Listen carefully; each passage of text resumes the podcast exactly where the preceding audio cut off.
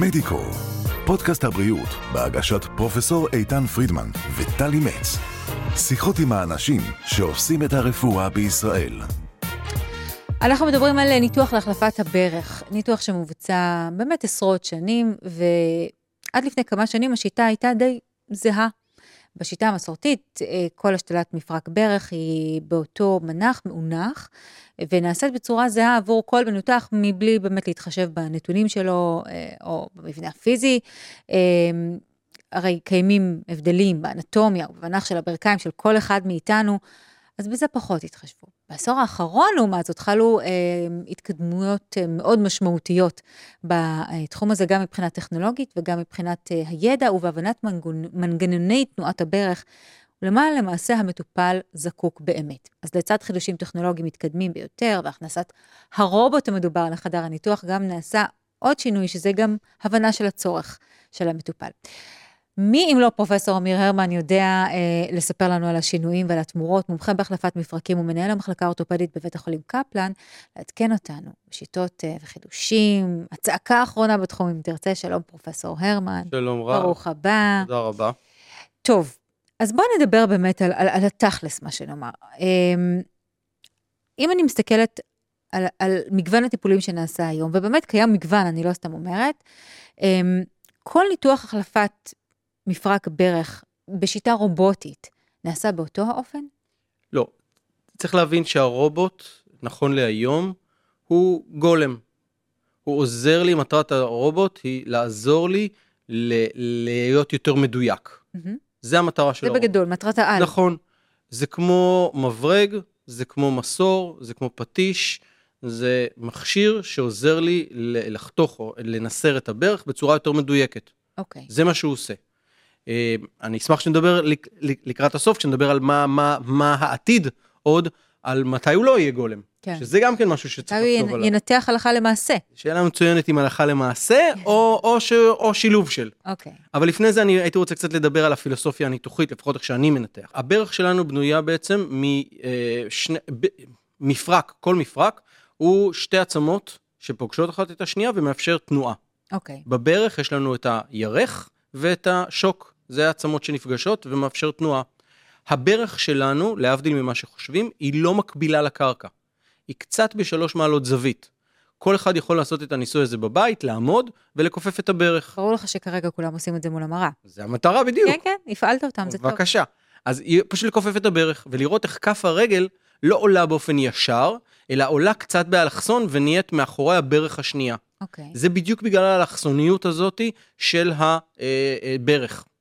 בצורה שבה, אה, או נגיד בצורה שבה עשו ניתוחים עד היום, אה, המנתח הגיע עם זוויות שהוא רוצה שבהם הברך תהיה אחרי הניתוח, כדי שהרגל תהיה ישרה, אה, ובעצם ניסר, או עשה את החיתוכים, ככה שיהיה את הזוויות הנכונות, so called, ב- ובסופו של דבר להגיע למפרק שהוא מקביל לקרקע. זאת אומרת, נכונות אנטומית, לא בהכרח נכונות למטופל. נכונות קונספטואלית, אפילו לא אנטומית, נכונות קונספטואלית. אוקיי. ואז לפני 15 שנה בא מישהו ואמר, רגע, בואו ננס, ננסה להחזיר את האלכסוניות הטבעית הזאת, ובעצם לאפשר את התנועה הטבעית של הברך, וזו טכניקה קינמטית, התנועה הטבעית, מהמם. אוקיי? זה בעצם הטכניקה. הצורה שבה עושים את זה, או, זאת אומרת, עד עכשיו דיברנו פילוסופיה. טכנית, מה שזה אומר, זה אומר להוריד עצם לפי העובי של המשתל. אם המשתל העובי שלו הוא 9 מילימטר, אני אוריד 9 מילימטר עצם. מהמם. טכנית, הגיוני. כי אם אני אוריד 9 מילימטר, המשתל יהיה איפה שהברך נמצאת, ואז התנועה תהיה כמו התנועה הטבעית של, כן. של, של המטופל. כן. אמ, איפה זה מסתבך? כשבעצם המטופל מגיע לניתוח החלפת ברך עם אה, שחיקה. אז אני לא צריך להוריד 9, אני צריך להוריד 7 מילימטר. אוקיי. ומה הרובוט נותן לי? הוא כבר הוגדר מראש, זה נותן תשע. הוא נותן, לא. מה? אני אומר לרובוט, אתה, אוקיי. אני אומר לרובוט, הברך שחוקה. אמ, אני רוצה להוריד 7 במקום 9. הרובוט נותן לי דיוק. הבנתי. הרוב, וזה מה שהתחלנו להגיד. הבנתי, אוקיי. בסדר. אז, אז, אז אין, אין ספק שבאמת עניין אה, של הכנסת אה, אלמנט כזה כמו רובוט לניתוח, מקל מאוד על אה, אופן הדיוק ואופן, גם בראייה והתכנון וגם באופן הביצוע. עכשיו השאלה היא, מבין מגוון האופציות הרובוטיות אה, שקיימות היום בשוק, כי זה באמת אה, תחום מאוד מאוד מתקדם ומאוד מאוד, אה, שמאוד צועד קדימה מבחינת אה, קדמה טכנולוגית, איך אתה יודע כמנתח לבחור מה נכון? אז אני, הטכניקה הניתוחית לוקחת בחשבון את השחיקה של המטופל. אם יש שחיקה מאוד גדולה, אז אני אפצה במספר מילימטרים שמתאים. בעצם אני בודק את הברך לפני הניתוח, או לפני שאני מתחיל לחתוך את, ה, את העצם, okay. אוקיי. ואם אני רואה שהיא מאוד מאוד שחוקה, אז אני לפעמים מפצה שלושה מילימטר, לפעמים אני מפצה שני מילימטר, והפיצוי הזה הוא זה שבעצם פותח את המפרק ומאפשר לברך להתיישר. אוקיי. Okay. זה בעצם הנקודה. עכשיו, למה זה יותר טוב למטופלים, מעבר לטווח ארוך לאפשר תנועה טבעית? אני, כשאני עושה את החיתוכים האלה, אני פחות אה, משחרר רקמה רכה. כי התנועה, אמרנו טכניקה קינמטית, התנועה של הברך היא התנועה הטבעית. כל הרקמות שמחזיקות את הברך, שתומכות בברך, שדואגות לתנועה בברך, כבר מותאמות לתנועה הזאת. בדיוק. ולכן זה מותאם אישית למטופל. בכלל, העניין הזה של התאמה אישית זה דבר שאנחנו מאוד אוהבים לדבר עליו אה, מאוד. ברפואה של היום, נכון. בטח, בטח במקרים של דבר כל כך נחוץ, כמו ההליכה שלנו, הברכיים שלנו, יכולת לעמוד כמו שצריך. עכשיו, אפשר לדבר הרבה על עד, כמה הניתוח הזה משנה חיים, אנחנו לא ניכנס לזה, אבל זה באמת משנה חיים. אני רוצה שנדבר על, על, ה- על העניין יותר הפרקטי. עד כמה אדם יכול לחזור ל... לא יודעת, נגיד 15 שנה אחורה. עד כמה זה באמת מאפשר לו חזרה לאיכות חיים טובה יותר. אוקיי, אז זה מצחיק, כי כל הדברים שאמרת עכשיו, זה בדיוק הדברים שאני מסביר שאני לא עושה. אוקיי, אני לא מחזיר את הגלגל אחורה. בגלל אין לי זה, כפתור אתה יודע, שמחזיר- אתה מבין, אין לי זה גם כפתור חשוב שמחזיר להגיד. אחורה את הזמן. כן, אוקיי. מצד שני, אני לא אלוהים גם. אני לא עושה עבודה טובה כמו הברך שקיבלנו, אוקיי? אני, אה, מטרת הניתוח היא לתת למטופל איכות חיים. אוקיי. אנשים שמוגבלים כתוצאה משחיקה וכאבים בברך, אנשים שיש ירידה באיכות החיים שלהם, אנשים, ת, תמיד אני שואל, אתה מבלה עם המשפחה, אתה מבלה עם הנכדים, כי מדובר באנשים מבוגרים, כן. אז עד כמה הם מבלים ונהנים לבלות עם הנכדים. אה, אתה יוצא לטיולים. זאת אומרת, עד כמה אתה בת באמת הזוג. צריך את התנועתיות. עד כמה, מקסימלית. ל, ל, ל, עד כמה איכות החיים שלך נפגעת Mm. כתוצאה מהכאבים והגבלה בתנועות הברך. זה מבחינתי הקריטריון העיקרי. אמ, המטרה היא לתת למטופלים איכות חיים.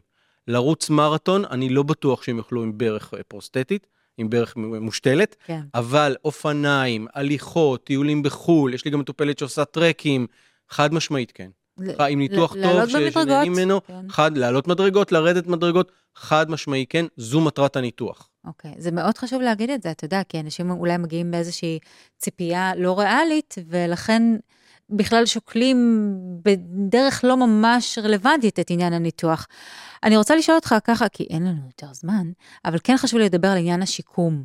עד כמה הוא אמ, קשוח למטופל? אז שוב, מאוד תלוי בטכניקה הניתוחית. אני מוכרח להודות שבניסיון שלי יש, עם הטכניקה הקינמטית, עם הרובוט, עם הדיוק שאנחנו מגיעים אליו היום, זה כבר לא הניתוח האימתני והשיקום המפחיד וההחלמה המפחידה שפעם היה. פעם זה באמת היה. פעם זה היה חודשים של שכיבה במיטה ונאנקים מכאבים, זה כבר לא זה.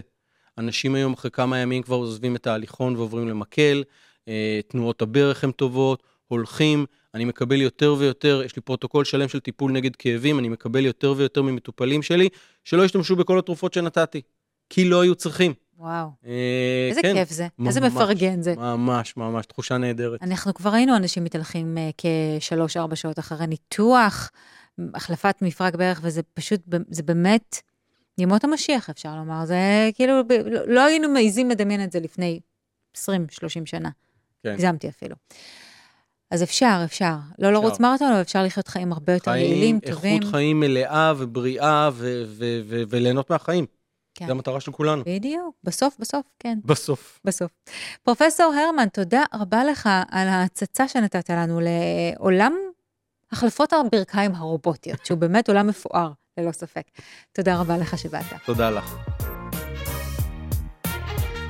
מדיקו, פודקאסט הבריאות של ישראל, בהגשת פרופסור איתן פרידמן וטלי מצ. עקבו אחרינו בספוטיפיי, אפל פודקאסט, גוגל ויוטיוב.